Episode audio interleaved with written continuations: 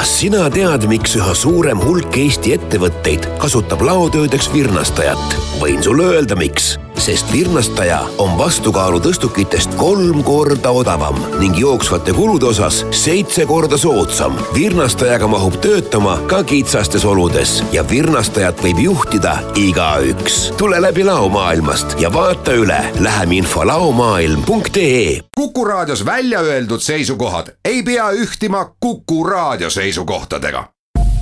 Te kuulate Kuku raadiot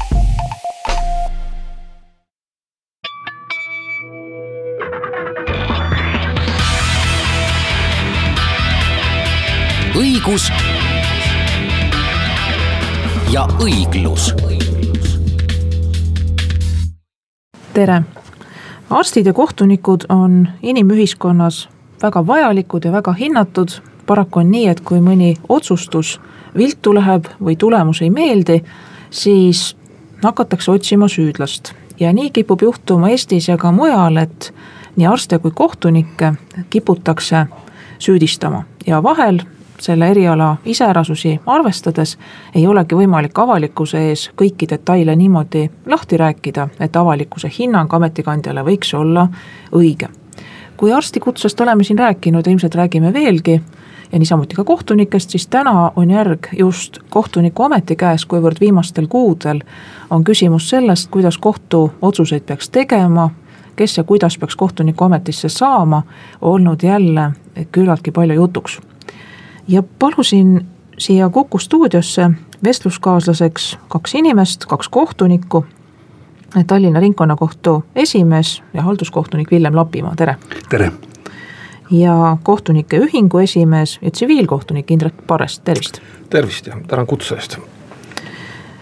et teeks kõigepealt asja selgeks, väga sageli kujutatakse ette, et kohtunik, see on keegi, kes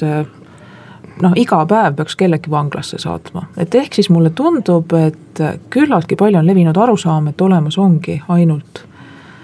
noh, ühte tüüpi kohtunikud või üks kohtuharu, ehk siis kriminaalkohtunikud ja päev on korda läinud, kui keegi on saanud vanglasse saadetud.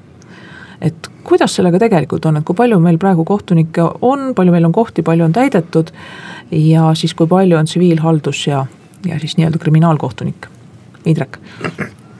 jah, ütleme, et äh teadaolevalt on siis Eestis äh, kolm kohtuastet ja, ja nende kohtuastmete peale kokku on siis üheksa kohut, äh, on neli maakohut, äh, kaks halduskohut esimese astme kohtutena, siis kaks ringkonnakohut ja, ja riigikohus. ja kõikide nende kolme kohtuastme, astme peale kokku peaks siis Eestis kohtunikku olema kakssada nelikümmend kaks. paraku need kohad ei ole alati sada protsenti täidetud. no minule teadaolevalt siin veebruarikuu seisuga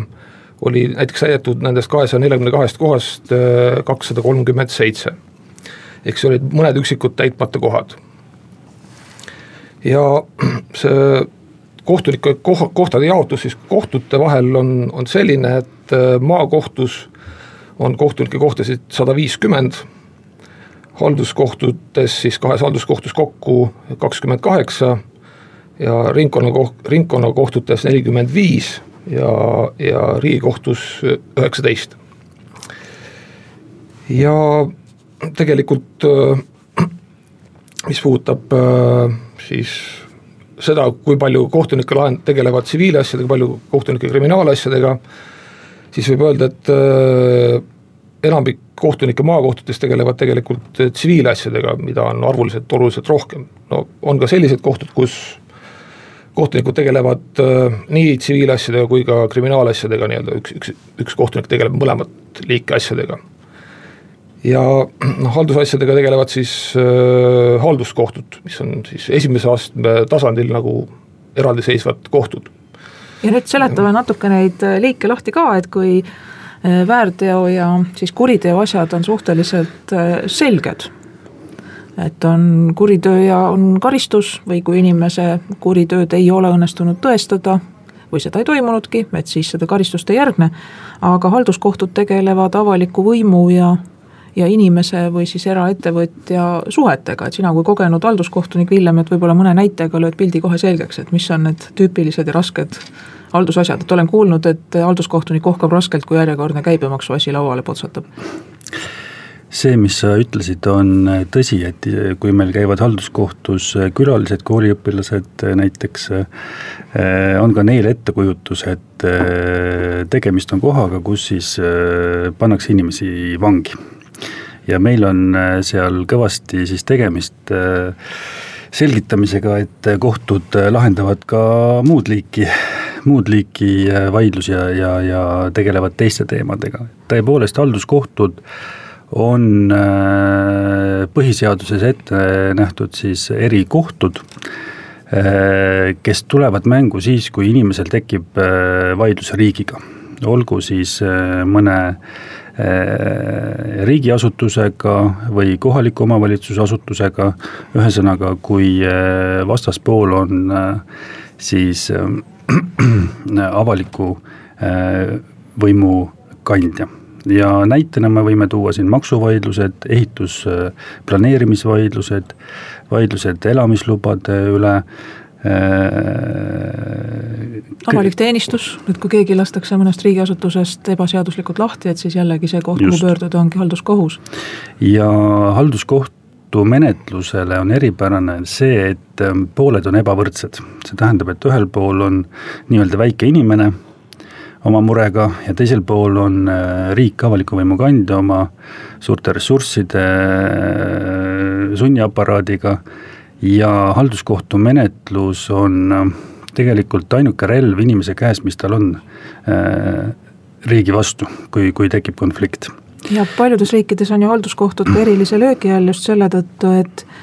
et nemad on sisuliselt riigivõimu ja tavaliselt siis ministeeriumide, ametite, inspektsioonide kontrollijaks, et ehk siis kui nood on rikkunud seadust, et siis just halduskohus võib mõista inimesele ka väga suured summad välja, et näiteks leida, et Maksu- ja Tolliamet on teinud vale maksuettekirjutuse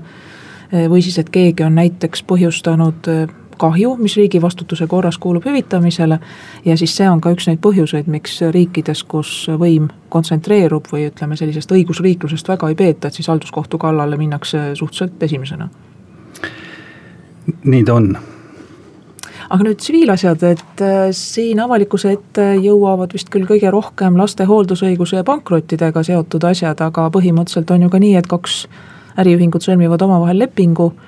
ja siis üks jätab näiteks maja ehitamata ja teine jätab ühtlasi tasumata ja mõlemad leiavad, et kumbki on olnud süüdi ja siis jõuab see asi ju sinu lauale, Indrek, eks ole, või kuidas sa seda seletad? no täpselt nii jah, et äh,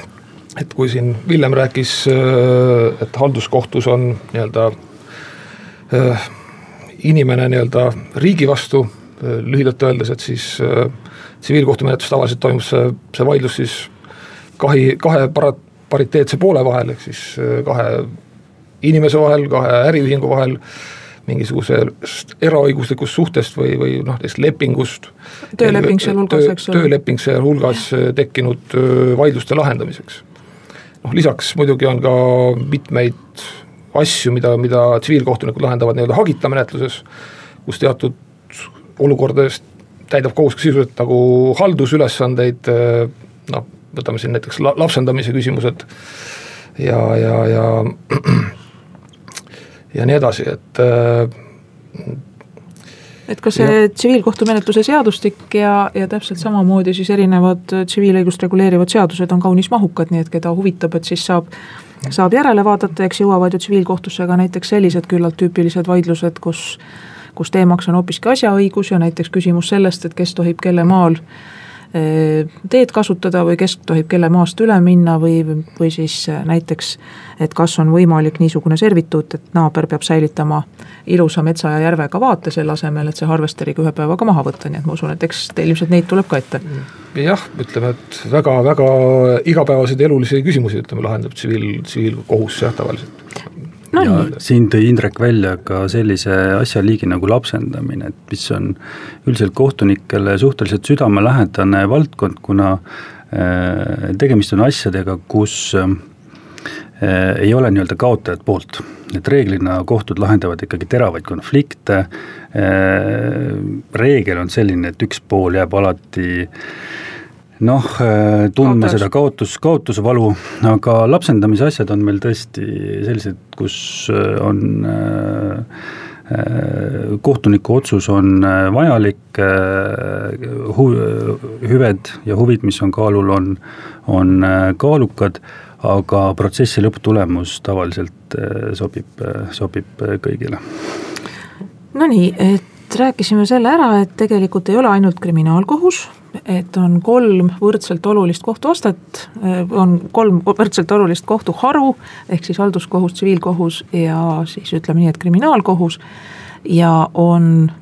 kolm kohtuastet, et esimeses astmes lahendavad asju needsamad halduskohtud ja maakohtud, teises astmes ringkonnakohtud ja siis lõpuks võidakse jõuda välja ka riigikohtusse nüüd tihtipeale arvatakse, et kõik kohtunikud kuidagi teevad üksteisele ringkäendust ja jälle ka seda müüti on vähemalt minu ametis tulnud korduvalt äh, ümber lükata. Äh, vähe sellest, et on küllaltki tugev väliskontroll kohtunike üle, et ka õiguskantsleri käsi on siin ikka mängus ja neid kaebusi ka tuleb ja, ja on tulnud ka neid juhtumeid, kus tulebki kohtu esimehelt mõne konkreetse kohtuniku tegude kohta uurida ja vahel siis see kohtunik nende asjade lahendamiselt ka edasiseks kõrvaldada või. või siis tuleb koguni terviklik distsiplinaarmenetlus, mille käigus see kohtunik võib ka ametist vabaneda Need täpselt samamoodi distsiplinaarmenetlust saavad algatada kõik kohtu esimehed, nii et hea Villem siinsamas kõrval näiteks ka, ja ka justiitsminister, nii et see väliskontroll on olemas. aga millest alustasin, et vähemalt minu tunnetuse kohaselt on küllaltki tugev sisemine kontroll ka, et igas kohtus sees eh, lisaks kohtu harude vahel, et kui näiteks käib võitlus selle üle, et kes saab Eh, siis mõne täiendava koha, et kas näiteks ringkonnakohtus, kas see läheb halduskolleegiumisse, tsiviilkolleegiumisse või kriminaalkolleegiumisse. et siis ka seda silmas pidades alati kõik eh, kolleegiumid ja kohtunikud tundub, et noh, peavad, peavad pingutama. ja lõpuks on ka kohtuastmete vaheline kontroll, mis väljendub nii selles, et madalama astme lahendid võidakse kasvõi osaliselt ümber vaadata. Eh, kui see tegelikult väljendub ka selles samas distsiplinaar asja võimalikkuses. ja ma kujutan ette, et kohtuniku enesetundele ka see, et näiteks kui praktiliselt kõik tema asjad vaadatakse sisulistes punktides ümber, et see tõenäoliselt nii kolleegide silmis kui iseenda silmis tõenäoliselt mõjub inimesele raskelt jah, seda tuleb tunnistada, et ega kohtunik ei ole äh, nagu jumal taevas. Ja kohtusüsteemis on sees oma sisemised kontrollimehhanismid äh, täiesti paigas, et äh, Eesti põhiseadus on äh, edasikaebeõiguse osas üsna äh, liberaalne, praktiliselt kõik kohtuasjad on võimalik edasi kaevata kaks korda, kuni Riigikohtuni välja. Ja mm, kohtunikud on teadupärast sõltumatud, see tähendab nii seda, et nad on sõltumatud välistest äh, teguritest, äh, poliitilistest äh, jõududest, äh, kui ka nii-öelda tegemist sisemise sõltumatusega, ehk nad on sõltumatud teistest kohtunikest ja ähm, mingisugust ringkäenduse või, või, või sellise tsunfti, tsunfti tunnetust minul küll ei ole. Ja toimib tõhusalt, noh kohtutes ei ole sisekontroll, aga tõepoolest selline äh, kohtu esimehe ja õiguskantsleri järelevalve siis, kui kohtunikud on on toime pannud teo, mis äh, ei vasta eetilistele äh, tõekspidamistele või siis on kohaldanud õigust noh, niivõrd ilmselgelt ebaõigesti, et et see juba väljub kohtuniku nii-öelda siis äh, kaalutlusõiguse piiridest, et äh, selline järelevalve, mis alati ei pea viima ka distsiplinaarmenetluseni, vaid ähm, on, on pigem käsitletav sellise pedagoogilise noh, enda harimise meetodina, et see, see toimib Eesti kohtusüsteemis äh, üsna, üsna hästi.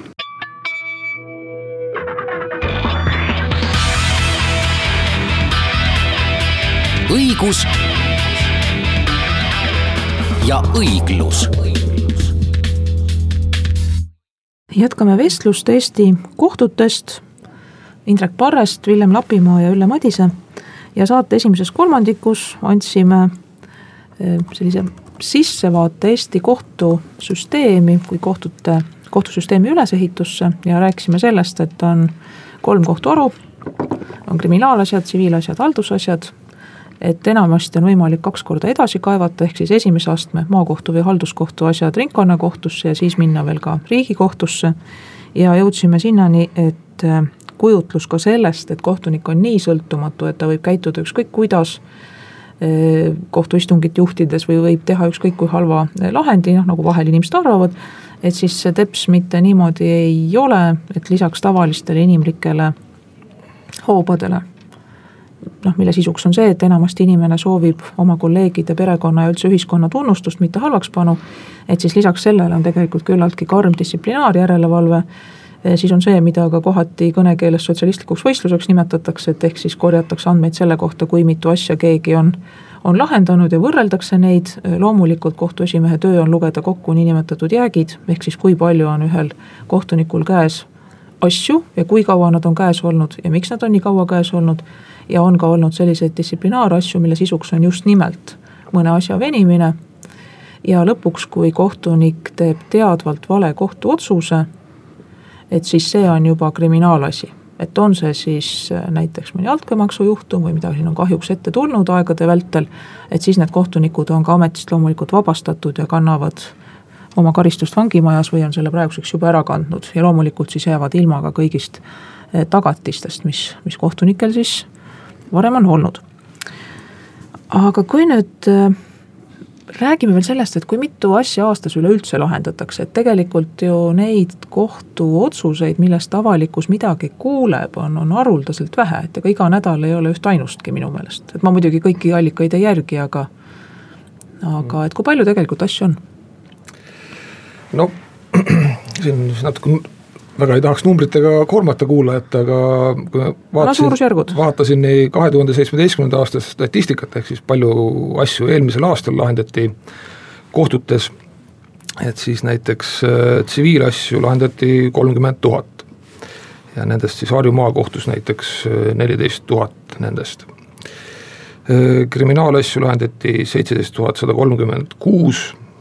ja väärteoasju seitse tuhat kolmsada kaheksakümmend. Haldusasju lahendati kaks tuhat üheksasada kuuskümmend seitse. ja umbes sama palju, samas suurusjärgus tuli ka siis asju juurde nii-öelda, et, et ka sama palju uusi asju ja laekus siis äh, kohtutes vastavalt siis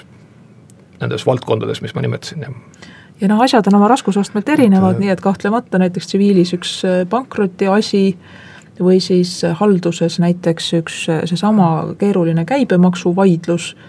või siis jällegi kriminaalis näiteks mingisugune väga keeruliste harudega grupiviisiline majanduskuritegu, et noh, see võib võtta kohutavalt palju aega ja samas on meil olemas eriti tsiviilis ja kriminaalis ju ka sellised lihtsad menetlused, kus väga palju aega ei, ei kulugi ja eks halduskohtunikul on vahel ka see rõõm, et ilmselge asi millegipärast vaidlustatakse, kus otsuse tegemine suurt pingutust ei nõua, aga sageli see võib ikkagi nõuda nädalaid uurimist, mõtlemist, väga raskeid istungeid. nojah, ja halduskohtunikke on ka oluliselt vähem kui maakohtunikke, nagu siin eelnevalt sai märgitud, et ilmselt ikkagi jah, ühe, ühe kohtuniku kohta see töömaht on ilmselt ikkagi täiesti võrreldav. Äh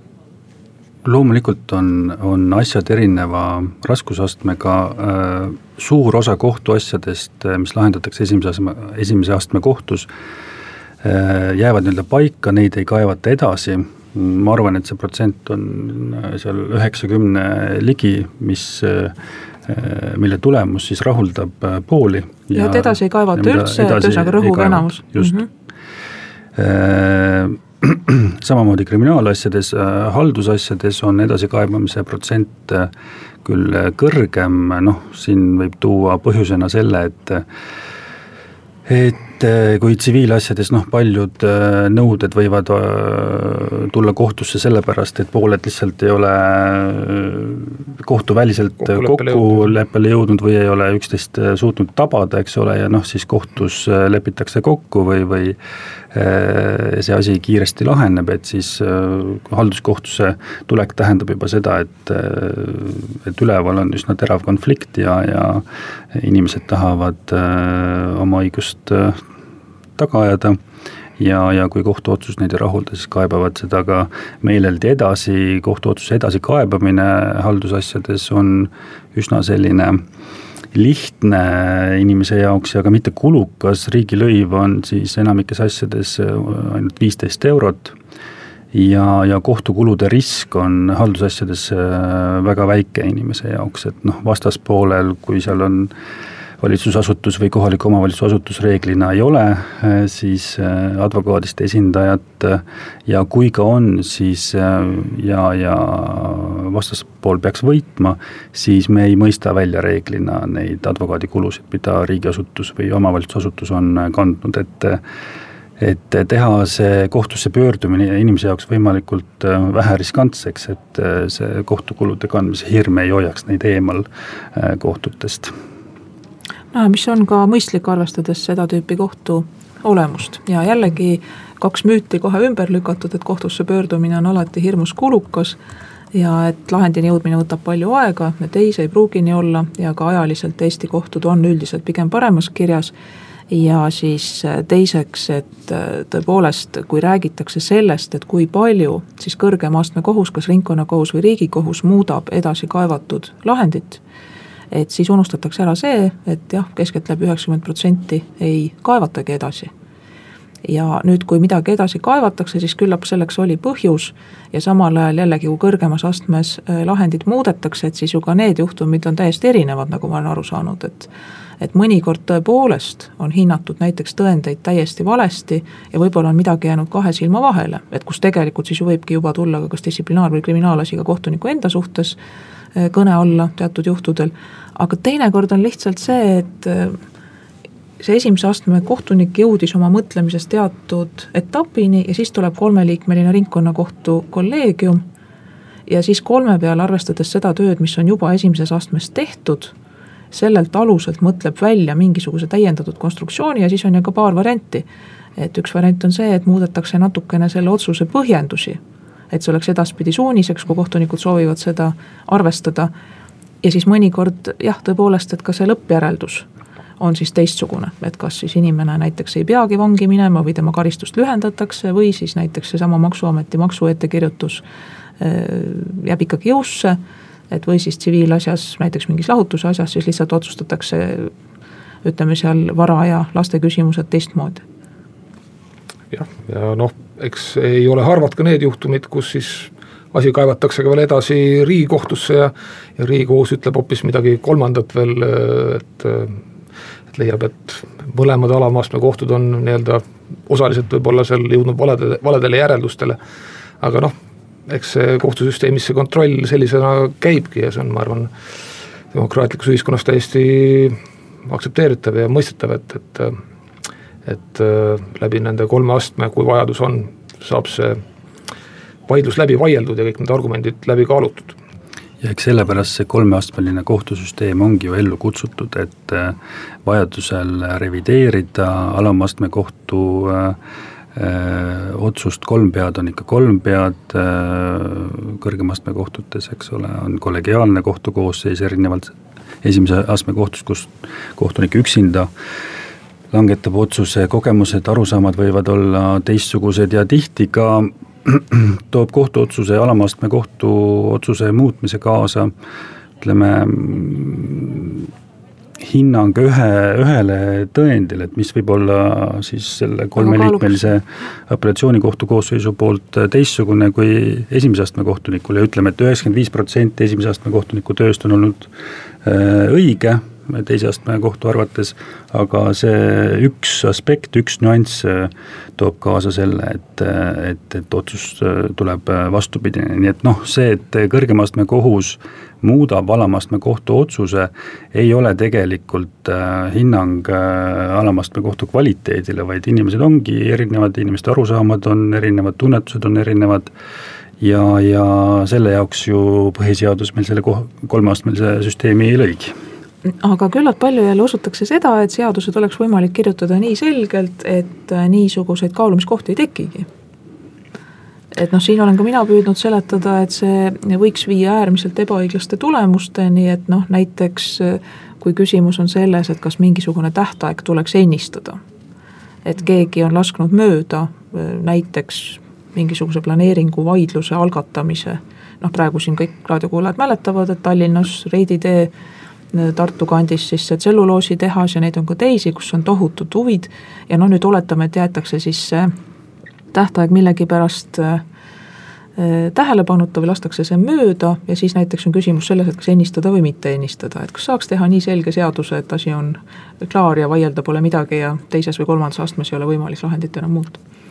no ütleme, ühiskondlik ja inimeste ootus sellise seaduse ja õigusnormi vastu, mis äh, reguleeriks täiuslikult kõikvõimalikud elulised äh, olukorrad, et see ootus on ilmselt arusaadav, eks ole. Aga paraku on elu nii mitme, mitmekesine, olukorrad on väga erinevad ja, ja eks õigusemõistmise sisu ongi see, et konkreetsel üksikjuhtumil äh, seadusele tuginevalt teha õiglane otsus ja, ja nii-öelda abstraktselt äh, sellist äh, regulatsiooni kehtestada, mis, mis annab vastused kõikvõimalikele elulistele olukordadele, on, on noh, see on utoopia tõenäoliselt. nojah, täitsa nõus jah, et, et ega see elu, noh, praktika näitab, et see elu on alati keerulisem, kui, kui on võimalik äh, seaduses reguleerida või kuidagi seaduses ette näha, kõik, kõik ei ole võimalik seadusega ette näha ja noh, pigem tuleks siis, peaks olema see seaduse regulatsioon piisavalt selline paindlik, mis võimaldaks kohtul siis just seda konkreetset juhtu õig-, õiglaselt lahendada. Et kui sa et, mõne näite tood, et, et no näiteks ütleme lapsele elatise määramine, et kui nüüd arvestada, et siin on kavas siis teatud muutused, et noh, mina isiklikult pean seda mõistlikuks, et just nimelt siis vajadusel kohtus, kui vanemad ise ei jõua elatise maksmises, ei jõua kokkuleppele, et siis just nimelt kohtus, lähtudes lapse parimatest huvidest, eh, võimalikest teistest ülalpidamisel olevatest lastest, et siis lepitakse kokku, et mis see kohtumiste kord on, kes mille eest maksab ja kui palju makstakse lihtsalt sularahas elatist. ja seda nüüd kuidagi mõnda robotisse või, või masinasse programmeerida, et see siis ütleb täpselt, et teie peate maksma kakssada, kakssada nelikümmend üheksa eurot ja viiskümmend kaks senti, noh ilmselt ei ole võimalik. noh, jah, ütleb, et see on see aspekt, muidugi masinaga on raskem vaielda kui kohtuga tõenäoliselt, aga aga jah, ütleme, et, et eks siin noh, eks ajalugu tunneb ka selliseid äh, ammu võib-olla juba unustussõlma vajunud seadusi, kus jah, näiteks kolm, kolme kana varguse eest oli üks karistus ja, ja, ja, ja viie kana varguse eest oli teine karistus, aga noh, me ei saa ilmselt nii kasuistlikuks äh, regulatsioonis minna, sest noh äh, ma, maailm muutub iga päevaga ja, ja,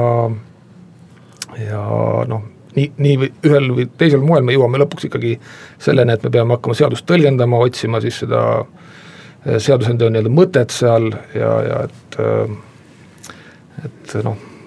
kohtud on seda kogu aeg teinud ja noh, ütleme, eks kohtud saavad sellega hakkama, et ei ole mõtet selles mõttes kohtuid äh, siin ebausaldada ja reklaamipausi ajaks jääme kõik mõtlema selle üle, et kuidas oleks kõige parem kohtunikke ametisse saada.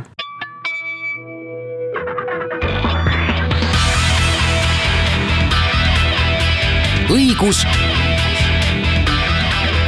ja õiglus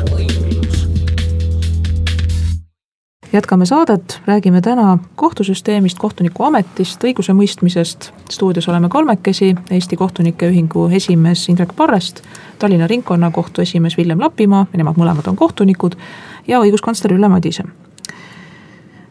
No nii, Eestis on praegu ju nõnda, et kohtunikuks saab see, kellel on korralikult lõpetatud õigusteaduse õpingud, kes on läbinud kohtunikueksami või siis on seal ka teatud juhtudel võimalik Äh, siis mõne teise õigus, elukutse eksamiga kohtunikuametisse kandideerida. ja lisaks sellele jätkuvalt on ju kolmeaastane katseaeg, et, et ka sellest ei ole inimesed ju üldjuhul sugugi mitte kuulnud. Jah, et äh, Eestis kõik need kohtunike kohad, vabad kohtunike kohad üldjuhul täidetakse avaliku konkursi korras Eh, noh, välja arvatud muidugi Riigikohtu esimehe enda koht, mille puhul siis avalikku konkurssi ei ole ja ja et Vabariigi President siis teeb Riigikogule ettepaneku tema ametisse nimetamiseks. ja noh, millised on siis üldised nõuded, eh, keda üldse, kes üldse saaksid nii-öelda kohtunikuks eh, kandideerida, et jah, et, et tal peab olema nii-öelda riiklikult tunnustatud magi-, magistrikraad või, või, või sellele vastav kraad. noh, lisaks seadus loetleb ka seda, et mõistagi peab olema siis ka Eesti kodanik ja oskama eesti keelt kõrge, kõrgemal tasemel. ja, ja, ja peavad tal olema ka kõrgemad kõlbelised omadused ja tööks vajalikud võimed ja isikuomadused aga noh, lisaks on ka seaduses mitmeid piiranguid selle kohta, keda siis ei, ei saa kohtunikuks nimetada, noh eelkõige kurjategijaid ei saa? kurjategijaid ei saa nimetada selliseid, selliseid isikuid, kes on mõnest muust õigus, elukutseühingust nii-öelda välja heidetud, noh näiteks advokatuurist või, või, või notariaadist. et, et kellel on siis ühesõnaga mujal on distsiplinaarprobleeme, noh samuti ka selline kohtunik, kes, kes on varem kohtuniku ametist tagandatud, ei saa enam Äh, kohtunikuks kandideerida. aga noh, ütleme kõikide nende nõuete täitmine siiski võimaldab üksnes nii-öelda kandideerida ja, ja noh, kes siis tegelikult valituks osutub, selle üle lõppastmes otsustab äh, esimese, teise astme kohtu, kohtunike puhul äh, Riigikohtu üldkogu. aga noh, ütleme selleks, et kontrollida nüüd kandidaatide, kohtunikukandidaatide sellist esmast nõuetele vastavust on ka veel moodustatud siis kohtunikueksami komisjon, mis, mis siis kah nii-öelda vestleb, vestleb kandidaatidega, kogub ka võimalikke muid andmeid nende senise teenistuskäigu kohta ja, ja noh, ütleme üritab siis seda kandidatuuri võimalikult mitmekülgselt äh, kaaluda äh, ja siis need materjalid edastatakse siis Riigikohtu üldkogule öö, äh, otsustamiseks ja no lisaks kõikidel kohtunikuks kandideerijatel tuleb ka läbida siis julgeolekukontroll, mida viib läbi siis kaitsepolitsei, et äh, noh, eelkõige on see vajalik nüüd selleks, et kohtunikel on vajalik ri-, riigisaladusele juurdepääs, aga noh, eks, eks see kontroll võimaldab ka põhjalikumalt kontrollida kohtuniku tausta ja tema, tema eelnevat tegevust ja lisaks jah, ütleme, on kohtunikel katseaeg sisuliselt äh, kolmeaastane. Ja selle noh, selle kolme aasta jooksul on siis võimalik kohtuniku ametist vabastada tema, tema sobi-, sobi-, sobimatuse tõttu nii-öelda ametisse, et noh, kuigi see peab, peaks olema siiski pigem nagu erandlik selles mõttes, et äh, noh, see valik peaks olema korralikult tehtud juba enne enne kohtuniku ametisse nimetamist, et, et, et selline inimene, kes, kes ei peaks kohtunik olema, ei, ei saaks ametisse, aga, aga noh, siiski võib, võib osutuda vajalikuks ka, ka seda kontrolli tulemuste põhjal hiljem siis inimene kohtuniku ametist vabastada. ja noh, selle kolmeaastase katseaja jooksul nii-öelda siis eelkõige kohtu esimees teostab siis kontrolli selle kohtuniku tegevuse üle ja, ja esitab siis kord aastas vist äh, aruandeid äh, koht-, kohtuniku eksamikomisjonile selle kohta, kas siis kohtunik siis sobib või ei sobi või millised vajakajäämised on tal, on tal selles tema, tema töös siis. ja noh, eks selle kohta siis antakse ka tagasisidet äh, kohtunikule endale, et, et et see ei, see ei pea nüüd kohe, kohe nii-öelda päädima äh, ametist tagandamisega, kui näiteks esimesel aastal ilmnevad mingisugused probleemid tema, tema töös, et, et siin on võimalik ka siis tema tähelepanu juhtida ja anda talle võimalus siis ka ennast parandada nii-öelda. Isegi liialt aeglase töötempo tõttu on inimesi ametist vabastatud, et ei tule selle metsiku tööpingega lihtsalt toime ja see on täitsa võimalik. ja, ja need probleemid äh, ei pruugi ju välja tulla esimese kolme aasta jooksul, et äh, senine kogemus näitab, et et eh, see kolmeaastane katseaeg tavaliselt eh, läbitakse. aga on ka neid juhtumeid, kus ei ole läbitud? on üksikuid juhtumeid olnud, eh, noh, see pigem viitab siis sellele, et nende kohtunike valik on olnud juba piisavalt kvaliteetne, et nii-öelda juhuslikku, juhuslikku elementi ei ole väga sisse, sisse lipsanud, aga, aga jah, et see eluaegne äh, amet ei tähenda seda, et kohtunik saab endale lubada siis äh, vääritud käitumist või, või äh, mingisuguseid minetusi oma, oma professionaalses äh, tegevuses, et, et on tulnud ette siis ametist tagandamisi nii nii-öelda siis kohtuasjade ebamõistliku aja jooksul lahendamise eh, tõttu, ühesõnaga kohtunik oli passiivne, ei teinud eh, piisavalt tööd, ütleme siis niimoodi lihtsustatult. ja on tulnud ette ka ametist tagandamisi, just hiljaaegu üks kohtunik käitus väga vääritult kohtuistungil menetlusosalise suhtes ja sellisele tegevusele ei leidnud siis meie distsiplinaarkolleegiumi Riigikohtu üldkogu mingisugust õigustust, et sedalaadi käitumine Äh, inimeste suhtes ei ole tolereeritav ja, ja selline inimene õigust mõistma ei äh, peaks, nii et selline kontroll meil toimib. et kui me täna siin juba müüte murrame, et siis äh, vähemalt üks veel, et nimelt kiputakse uskuma, et igal pool mujal ollakse kohtutega ja kohtunikega rohkem rahul, kuigi ka Eestis tegelikult ei saa väita, et üldrahvalikult ei oldaks rahul. et, et eks siin sellel, sellisele küsimusele täpse vastuse saamiseks tulekski uurida ikkagi neid, kes on ise kohtus käinud, kellel on vahetu kokkupuude ja siis ka arvestades seda, kas nemad osutusid selles asjas võitjaks või kaotajaks ja ma arvan, et selline kvaliteetuuring oleks vägagi vägagi kasulik, et kui on tehtud professionaalsete menetlusosalistega uuringuid, siis seal on üle kaheksakümne protsendi olnud tegelikult see rahulolu eh, protsent nii kiiruse kui asjatundlikkuse kui istungil käitumise asjus. aga et kui ikka usutakse, et kui lõpuks jõuab näiteks Euroopa Inimõiguste Kohtusse, et vot siis tuleb õigus. ja võin kinnitada neile, kes ei ole Strasbourgis äh, sinna sattunud, ma ise käin seal juba aastaid, siis igas aastas noh, kokku kolm nädalat umbes käin sellest kohtust mööda ja, ja tegelikult seal on olnud päris hirmsaid stende, kus inimesed, kes ei ole Inimõiguste Kohtu otsusega rahul, mida siin ja paljudes teistes riikides vastupidi peetakse liiga leebeks ja liiga ülemääraselt inimõigusi austavaks, ometi on ka seal kaotajaid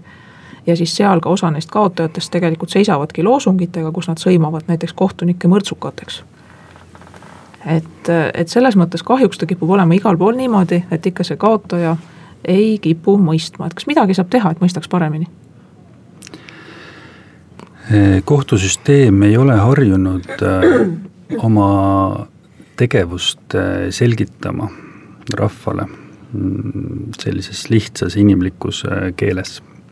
ja, ja eks tuleb natukene ka tuhka endale pähe raputada, et äh, me oleme liialt võib-olla tuginenud sellele, et kui me teeme oma otsuse ära, see kuulutatakse avalikult, see on kõigile kättesaadav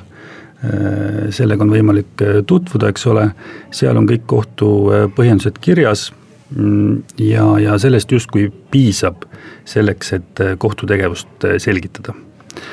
aga ühiskond muutub, inimesed muutuvad, sotsiaalmeedia pealetung teeb oma korrektiivid ja me oleme natuke nii-öelda rongilt võib-olla maha jäänud, et ei ole piisavalt pööranud tähelepanu sellele, kuidas edastada oma sõnumit, kuidas selgitada oma, oma tegevust inimestele lihtsalt arusaadavas keeles, olgu see siis meediale antavate intervjuude kaudu, olgu see siis polemiseerivate artiklite kaudu, kas või tänane jutusaade, et Mm, selgitada, selgitada, selgitada ja, ja korrata, korrata, korrata oma seisukohti, et äh, kohtunikud jah, pigem kipuvad äh, hoiduma, hoiduma meediast äh, ja, ja see on kaasa toonud siis ka palju vääritimõistmist, eks ole jah, täitsa Villemiga selles osas siin nõus, et noh, muidugi võiksin lisada ka seda, et, et eks need kohtud ilmselt on, on sarnaste probleemidega silmitsi ka, ka teistes siin riikides, noh, Lätis, Leedus, et äh, et kindlasti see, see selgitustöö on, on oluline ja noh, siiamaani on kohtud nagu harjunud äh, ütleme siis noh, et kui mingi lahendi põhjal tekib mingi suur arutelu, äh, noh, ütleme sellest, seda ei mõisteta, tekib kriis nii-öelda, et, et siis seda minnakse lahendama ja ja, ja nii-öelda kommenteerima, aga noh, ütleme, et, et pigem peaks kohus nagu tegutsema siin äh, rohkem proaktiivselt ja, ja andma nagu igapäevaselt seda, see, neid, neid selgitusi ka juba nii-öelda lahendi tegemisel. Äh, noh, kui, kui see peaks noh, olema selline lahend, mis võib, võib suurema avalikkuse nagu tähelepanu pälvida ja, ja võib-olla ka on vajalik seal mõningaid nii-öelda õiguslikke aspekte siis selgitada lihtsamas keeles, sest noh, jah, seda pikka ja vahest ka keerulist kohtuotsuse teksti võib olla raske mõista ja, ja, ja noh, noh, ütleme, et ei ole ka ju inimestel aega seda nii alati, alati teha, et, et neid lahendeid lugeda. ja siis võib tekkida väga suur nii-öelda info, infomüra, et selles mõttes on, on hea, kui kohus ikkagi kõigepealt see esmane, esmane kommentaar tuleb kohtult endalt. Mulle tundub, et on äh, täitsa põhjust võtta eeskuju meie Põhjamaade kolleegidelt, äh, Soome-Rootsi kohtunikelt, kes on hiljaaegu sisse viinud äh, uue töökorralduse, et koos kohtuotsusega annab kohus välja ka lühikokkuvõtte mm, -hmm. mis ei ole juriidilises sellises erialakeeles, vaid tavalisele inimesele arusaadavas keeles, mitte lihtsustatult, aga nii-öelda arusaadavas keeles mm, teeb kokkuvõtte sellest kohtuasjast. Ja pluss on alati äh, mitte küll võib-olla sama kohtunik, kes otsuse on teinud, aga sama kohtu mõni teine kohtunik kättesaadav ajakirjanikele siis selgituste, kommentaaride jagamiseks. Ja, ja see on tõepoolest noh ütleme siis seda lõhet, mis, mis avaliku arvamuse ja, ja kohtusüsteemi vahel mõnikord äh, tekkima kipub, suutnud äh, vähendada. et selge sõnumi hüvanguks kõik, sest äh, Rootsis ja Soomes on niisugune traditsioon, Rootsis ennekõike, et ombudsmani ametisse läheb keegi kohtunikest. Ja siis Rootsi kolleeg Elizabeth Rönning seda jutustaski, kuidas sedasama, mida Villem kirjeldas, neil kohtus sisse viidi, kohtunikud olid alguses väga vastu olnud, et hirmus täiendav ajakulu, aga siis ühel hetkel olid saanud aru, et see tarbetult keerutavaks mõeldud juurakeel, et see ei olegi hädavajalik. et väga sageli ongi võimalik öelda täiesti lihtsa selge lausega juba otsuses endas, et kuidas siis asjad on ja miks nad nii on nii et ka see liikumine, et need niisugused tekstid kaasa anda, et see tegelikult väidetavalt lihtsustas ka, ka nende kohtuotsuste endi keelt väga oluliselt. Aga noh, eks ta ole nii, et kui kaks poolt läheb kohtusse, mõlemad on oma õiguses veendunud, et siis äh, ma kardan, et nagu ikka, et noh, öeldakse, et kommunikatsiooniprobleem, aga tihtipeale ongi nii, et et lihtsalt kuidagi peab elu edasi minema, aga kahetsusväärselt see, kes alla jäi, et see ei tunnista mitte iialgi. et see võis olla õiglane otsus, et tema alla jäi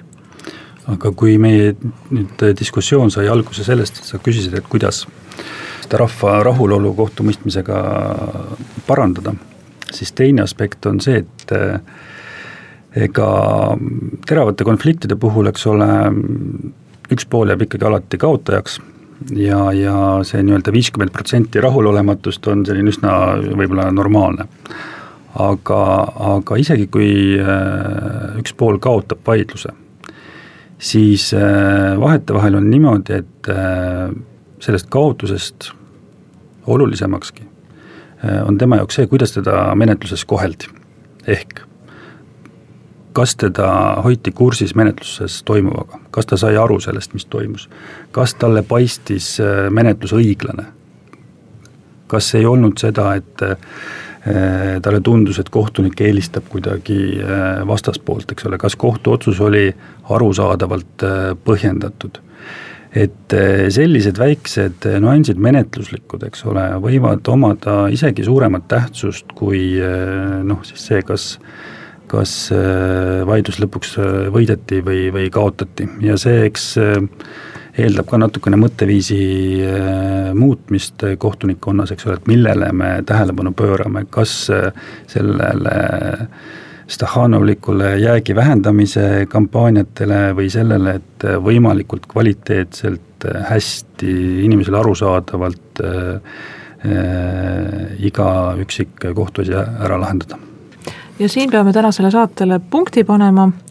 loodan, et lisaks müüdi murdmisele saime faktide ja seostega pisut valgustada seda tegelikku olukorda, mis Eesti kohtutes on. Isiklikult loodan, et tõepoolest Villem Lapimaa Tallinna Ringkonnakohtu esimehe ja väga mõjuka kohtunikkonna liikmena ja Indrek Parrest, tsiviilkohtunik, samuti Tallinna Ringkonnakohtust ja kohtunike ühingu esimees, et te saate kolleegide toel siis muuta seda, kuidas kohtunikud praegu avalikkusega suhtlevad. Ja võib-olla see tõesti suurendaks ka usaldust ja võib-olla sellisel juhul jutud sellest, et Eesti Vabariigis peaks lisanduma täiendavalt kakssada valimiskampaaniat, et võib-olla siis ka need eh, vaibuksid, kuivõrd sellised valimised veel mitte kuskil mingit head või vähemalt Eestist paremat tulemust pole andnud, pigem vastupidi, ja järgmine, järgmise saateni võibki mõtiskleda selle üle, et kas me ikka tahaksime sellist kohut, kus õigust mõistab kohtunikele kampaania on kinni maksnud mõni advokaadibüroo. aga siinkohal suur aitäh kõigile kuulamast.